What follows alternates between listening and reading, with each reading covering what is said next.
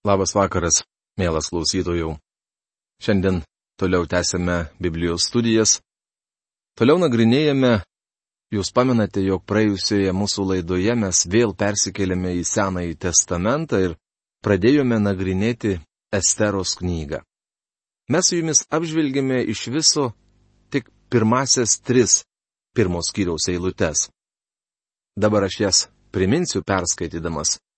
Ir mes tęsime apžvalgą. Noriu priminti ir šios skyriaus temą. Žmona, kuri nepakluso savo vyrui. Tai įvyko Ahasvero dienomis, to Ahasvero, kuris valdė 127 sritis nuo Indijos iki Etijopijos. Sėdėdamas karališkajame soste Sūzų pilyje, Karalius Ahasveras trečiais karaliavimo metais iškėlė puotą visiems savo didžiūnams ir dvariškiams, Persijos ir Medijos karvedžiams, didikams ir sričių valdytojams.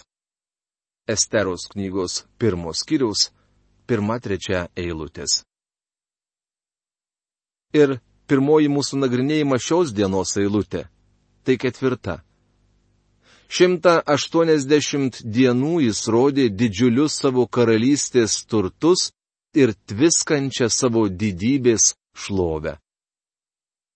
180 dienų Ahasveras išlaikė ir maitino savo svečius. Šešis mėnesius be paliovos jis ruošė jiems švedišką stalą.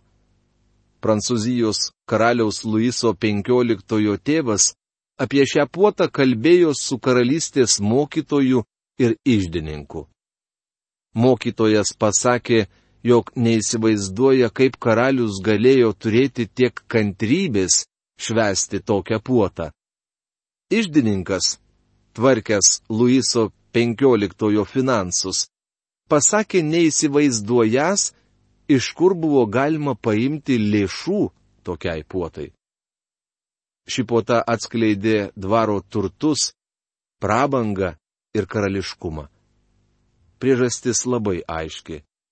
Ahasveras susikvietė visus savo didžiūnus ir valdytojus iš visų karalystės kampelių tam, kad laimėtų jų nuoširdų palaikymą karinėme žygyje prieš Graikiją ir galėtų tapti tų dienų aukščiausių pasaulio valdovu žinoma, jam beveik pavyko. Esu įsitikinęs, jog būtų ir iki galo pavykę, jei Dievas nebūtų numatęs, kad jo operacija baigsis nesėkme ir jėga pereis iš rytų į vakarus. Kserksas norėjo, kad didžiūnai ir valdytojai žinotų, jog jis gali finansuoti karą, apie kurį masto. Jis rodė savo karalystės turtus, surengdamas jiems didžiulę pagonišką šventę. Puota buvo pagoniška nuo pradžios iki galo. Ji buvo bedieviška. Kai kurie bando čia surasti dvasinių pamokų, bet aš nuoširdžiai sakau, jog nematau čia jokios pamokos. Aš tik matau, jog Dievas supažindina mus su pagonišku, stabmeldišku karaliaus dvaru, kuriame priimami pasauliui įtaką darantys sprendimai. Galima pamanyti, jog Dievo čia nėra, tačiau Dievas nori, jog žinotumėte, kad Jis valdo visas aplinkybės ir įvykdys savo tikslus. Pasibaigus toms dienoms, karalius savo sodo rūmų kieme iškėlė septynių dienų puotą visiems žmonėms - didikams ir paprastiems, gyvenantiems Sūzų pilyje. Esteros knyga pirmas skyrius penktą eilutę. Per paskutinės septynias dienas Kserkso puota pasiekė kulminaciją. Matyt, paskutinėms septynioms dienoms į sodo rūmus jis pasikvietė nesuskaičiuojamai daug žmonių. Kiemas buvo išpuoštas baltomis ir mėlynomis medvilnės uždangomis, pritvirtintomis lininėmis tamsiai raudonos spalvos virvėmis prie sidabro žiedų ant marmuro stulpų. Ant porfyro, marmuro, perlamutro ir spalvotų akmenų grindų buvo išdėstyti aukso ir sidabro minkštasuoliai. Esteros knygos pirmos kiriaus šešta eilutė. Sidabras, auksas, brangakmeniai ir nuostabios uždangos liudyja apie karalystės turtus. Tai buvo akį rėžiantis pasirodymas. Rūmų griuvėsiai iki šiol yra gyvas Persijos turtingumo įrodymas. Prieš keletą metų toje pat vietoje ta pati Persijos karalystė šventė 2500 metų jubiliejų. Televizijos reportažuose ir žurnalų aprašymuose atsispindėjo tik dalelį milžiniškų turtų. Puota kainavo milijonus dolerių. Dėl to puota susilaukė daug kritikos, nes tas kraštas dabar skursta. Tačiau Kserkso puota kainavo daugiau, nei įmanoma įsivaizduoti. Sprendžiant iš istorinių šaltinių, rengdamas šią puotą, Kserksas norėjo gauti paramą savo būsimai militaristiniai kampanijai. Jis norėjo, kad visi sužinotų, jog jis gali leisti savo kariauti. Jis pasinaudojo puota, kad įtikintų didžiūnus ir valdytojus. Mūsų laikais šis metodas taip pat naudojamas, tik mažesniu masteliu. Prieš keletą metų vienas didelis automobilių koncernas sukūrė naują modelį ir sukvietė visus savo dylerius iš viso pasaulio į Detroitą. Tai buvo išgertuvių vakarėliai ir puotos, siekiant įpiršti jiems naują automobilio modelį. Taip pat elgėsi ir Kserksas, prašydamas palaikymo naujoje kampanijoje. Žmogaus prigimtis nesikeičia Medijos Persijos imperijos valdovas Kserksas ruošėsi eiti į karą, bet pirmiausia dėjo pastangas privilioti sąjungininkų.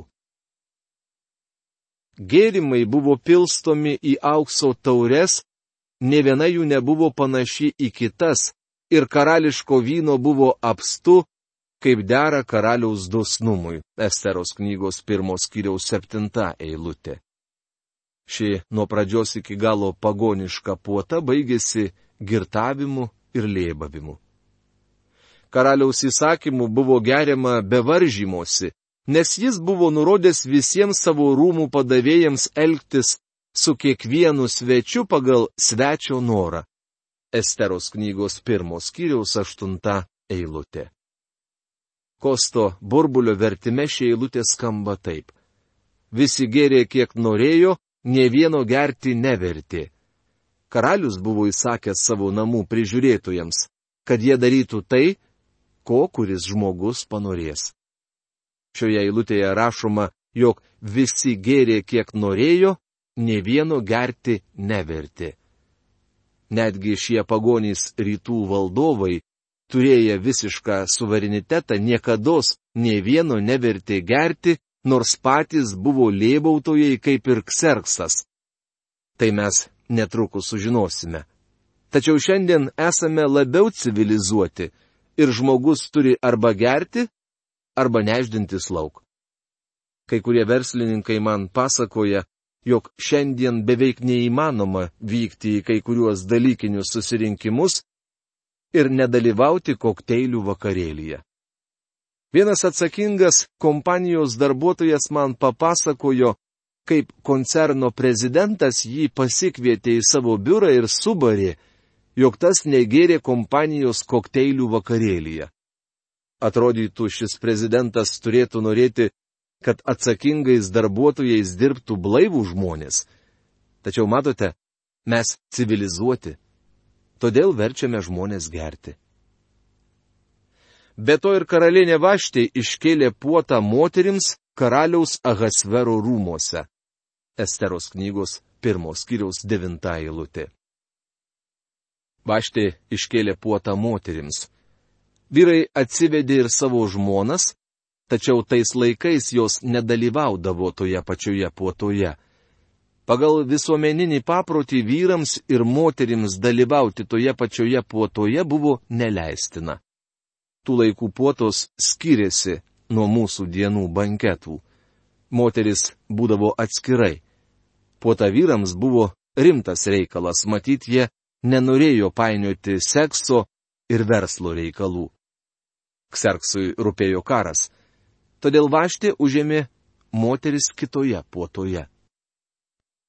Septintą dieną, kai karaliaus širdis buvo įsilinksminusi nuo vyno, jis paliepė Mehumanui, Biztai, Harbonai, Biktai, Abaktai, Zeturui ir Karkasui, septyniems jam tarnavusiems eunuchams. Esteros knyga pirmas skyrius, dešimta eilutė. Ši eilutė mums pasako, jog karalius nusigėrė jis peržengė leistinas ribas. Tose puotuose gerti nebuvo privaloma, tačiau jei norėjai, galėjai turėti ko užsimanęs. Regis karalius nebuvo blaivininkas. Septintą dieną karalius įsilinksmino. Čia iškyla klausimas liečiantis ne tik šį karalių, bet ir bet kokį kitą karalių ar valdovą. Ar jis tinkamas valdyti, jei girtauja? Šiandien rytų žmonės klausia, ar Amerika tiek girtaudama gali užimti pasaulio tautų lyderio poziciją. Šį klausimą Amerika turi atsakyti per keletą ateinančių metų. Jei viskas tęsis taip, kaip yra šiandien, tai galiausiai girtavimas sužlugdys šalį. Kserksas paveiktas alkoholio. Jis elgėsi taip, kaip niekad nepaselgtų būdamas blaivus. Jis įsakė savo eunuchams, kurie jam tarnavo, atvesti į puotą vaštę. Atvesti karalienę vaštę su karališku vainiku ant galvos pas karalių, įdant jis parodytų jos grožį svečiams ir pareigūnams, nes ji buvo graži moteris. Esteros knygos pirmos kiriaus vienuolikta eilutė karalius pademonstravo savo turtą ir prabangą, taigi ir galimybę pradėti militaristinę kampaniją. Dabar paveiktas alkoholio jis pasielgia priešingai tų dienų elgesio normoms. Jis nori parodyti vaštę, kuri yra graži moteris. Jis nusprendžia, kad atsives ją į puotos rūmus parodyti visiems susirinkusiems vyrams. Jei nebūtų buvęs girtas, niekuomet nebūtų tai pasielgęs. Tai buvo labai nedžentelmeniškas, grubus poelgis. Jis norėjo, kad visi pamatytų vaštę jo lobį, jo karūnos brangakmenį, nes ji ir buvo tokia. Tačiau eunuchams perdavus karaliaus įsakymą, karalienė vaštė ateiti atsisakė. Todėl karalius iširdo ir užsidegė pykčiu. Esteros knygos pirmos kiriaus dvylikta eilutė. Karalius savo svečiams tarė, turiu jums tikrą staigmeną, noriu, kad pamatytumėte mano karalienę, ji atsistos jūsų akivaizdoje su karališka karūna ant galvos. Ji labai graži. Už kelių minučių vienas iš karaliaus eunuchų sužnapždėjo karaliui jausi, ji neteis.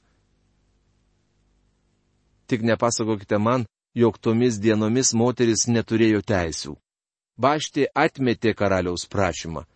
Įsivaizduokite, kaip jam reikėjo atsistoti ir sakyti, ponai, labai apgailestauju, bet turėsime pakeisti vakaro programą. Pagrindinė mūsų pramoga neįvyks. Šį vakarą karalienė nedalyvaus.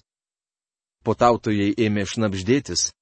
Svečiai kalbėjo kasgi jis per karalius jai negali suvaldyti net savo žmonos.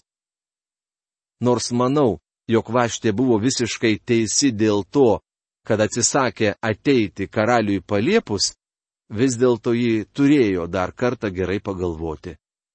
Ji turėjo suprasti, kad jos atsisakymas gali sukelti skandalą, kuris pakenks jos vyrui.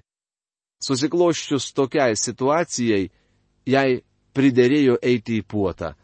Baštė turėjo paklusti karaliui. Nedelsdamas karalius pasitarė su išminčiais, išmanančiais įstatymus. Mat karaliui buvo įprasta kreiptis į visus, kurie išmanė įstatymus ir papročius. Jo artimi patarėjai buvo Karšena, Šetaras, Admata, Taršišas, Meresas, Marsena ir Memuhanas - septyni Persijos ir Medijos didžiūnai, kurie asmeniškai kalbėdavosi su karaliumi ir užėmė karalystėje pirmą vietą. Kaip turi būti pasielgta, klausė jis, pagal įstatymą su karalienė Vašte, kuri atsisakė paklusti karaliaus Ahasvero per eunuchus duotam įsakymui. Esteros knygos pirmos kiriaus 13-15 eilutės. Dėl šios padėties teko sukviesti skubų kabineto susirinkimą. Išvardyti šioje pastraipoje žmonės buvo didžiūnai, kurie su karaliumi susitikdavo asmeniškai ir slaptai, lygiai taip pat kaip ministrų kabinetas susitinka su jungtinių valstijų prezidentu. Šiandien visa tai mums gali skambėti kvailai, tačiau tomis dienomis tai buvo labai svarbus įvykis.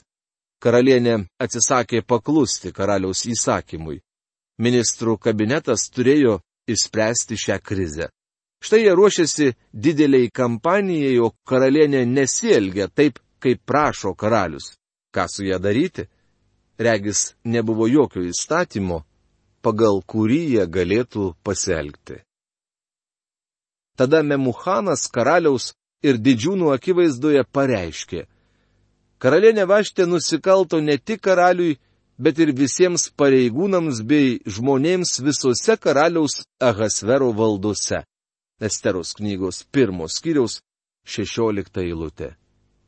Mes daug girdėjome, kad tomis dienomis moteris buvo kilnojamasis turtas. Daugeliu atveju taip ir buvo, tačiau vaštė, matyt, turėjo daug laisvės ir nebuvo jokio įstatymo, kuris galėtų priversti ją paklusti karaliaus įsakymui ateiti į puotą. Kad išspręstų šią problemą, kabinetas turėjo priimti griežtą ir žiaurų įstatymą. Maždaug tuo metu prabyla žmogelis Memuhanas. Kalba žmonos valdomas vyras, iš kur žinau, kad jį valdo žmona. Jis bijo, kad apie karalienės elgesį išgirdusios kitos moterys ims su panieka žiūrėti į savo vyrus. Memuhanas yra ponas Mėmė. Jei karalieniai už tokį poelgį nekliūtų, jis nenorėtų sugrįžti į namus. Nemanau, jog savo namuose jis turėjo balsą. Mano nuomonė, daugiausia sprendimų priimdavo jo žmona. Galbūt tai viena iš priežasčių, kodėl jis garsiai prabilo kabineto susirinkime. Daugelis vyrų savo darbe vykdo kitų įsakymus ir niekad neturi galimybės savęs išreikšti. Po darbo jie grįžta namo, o ten jų žmonos taip pat neleidžia jiems savęs išreikšti. Pažįstu tokių vyrų, kurie garsiai išsako savo nuomonę bažnyčios tarybos susirinkimuose. Jie tik kalba ir kalba, tačiau nieko neprisideda prie bažnyčios gerovės ir augimo. Jie kalba, bet neturi ką pasakyti. Jų pasiūlymai nieko verti. Memuhanas kaip tik toks žmogus. Visos moterys, išgirdusios gandus apie karalienės elgesį, žiūrės su panieka į savo vyrus manydamos, karalius Ahasveras įsakė, kad karalienė Vaštė būtų atvesta pas jį, bet jį nėjo. Taigi tą dieną Persijos ir Medijos didžiūnės, išgirdusios apie karalienės elgesį, sukils prieš visus karaliaus pareigūnus ir nebus galo paniekai ir pykčiui. Esteros knygos pirmos kiriaus 17 18 eilutės. Matote, Memuhanas vienas iš didžiūnų. Jis sako, kai grįšiu namo, dėl to, kas įvyko, man teks kovoti. Mano nuomonė, jis padarė išvadą, jog jei nebus imtas jokių priemonių, jis iš viso negrįž namo. Galbūt esate girdėję pasakojimą apie žmonos valdomą vyrą, kuris vieną rytą atėjo į kontorą ir pasigyrė. Vakar vakare žmona prieš mane klupojo ant kelių. Vienas vyriškis žinodamas visą situaciją, reagavo šiek tiek skeptiškai. Jis pasidomėjo, kokios buvo aplinkybės ir ką tiksliai ji tau pasakė. Vyras atrodė šiek tiek sutrikęs. Jis pripažino. Na, jie atsiklaupė ant kelių ir žiūrėdama po lovą pasakė, išlysk iš ten bailį.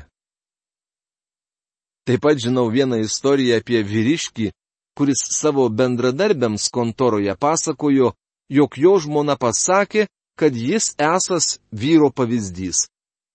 Jis pasidžiaugė visko mačiusiai sekretoriai, bet toji, užuot jį pagyrusi, tarė, gal žvilgtelėtum į žodyną, ką reiškia žodis pavyzdys, tuomet taip nebesididžiuosi.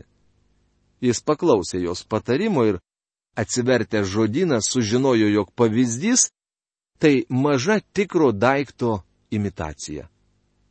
Toks buvo ir Memuhanas. Jis buvo po žmonos padu, ponas Mėmė. Jis aiškiai ir garsiai pasakė, reikia kažką daryti, kad dėl šio įvykio apsaugotume savo namus. Iš tiesų tai buvo didelė krizė, nes karalius ir karalienė rodė karalystiai pavyzdį. Paklausykite, ką siūlo Memuhanas. Jeigu tai patinka karaliui, te būna paskelbtas neatšaukiamas karaliaus įsakas ir įrašyta į persų ir medų įstatymus, kad vaštė niekada daugiau nepasirodys karaliaus Ahasvero akivaizdoje. Te suteikia karalius jos karališką garbę moteriai, kuri yra vertesnė negu ji. Esteros knygos pirmos kiriaus 19 eilutė.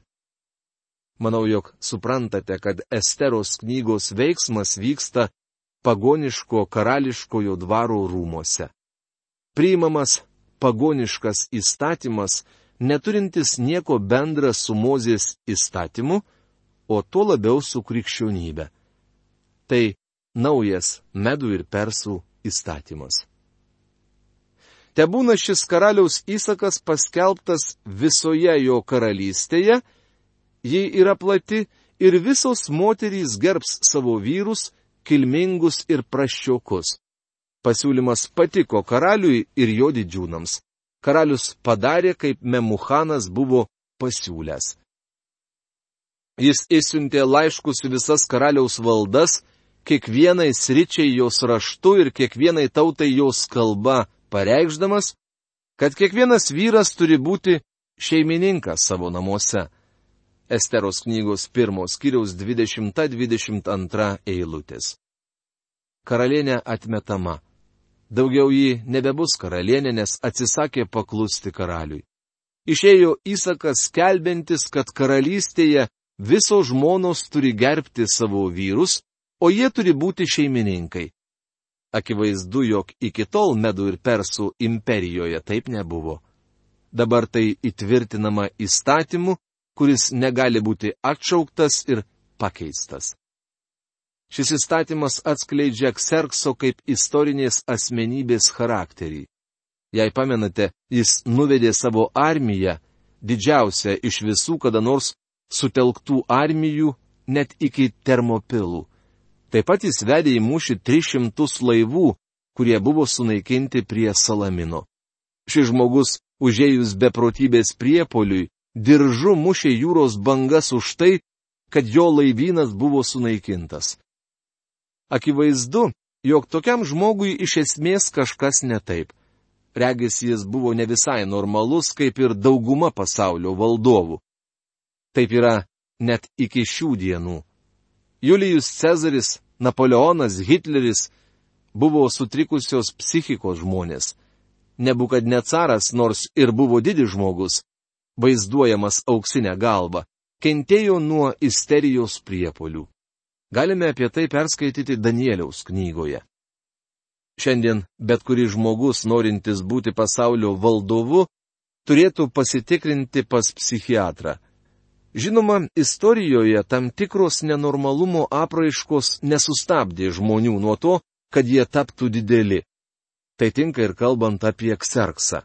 Jis buvo nepaprastai gabus.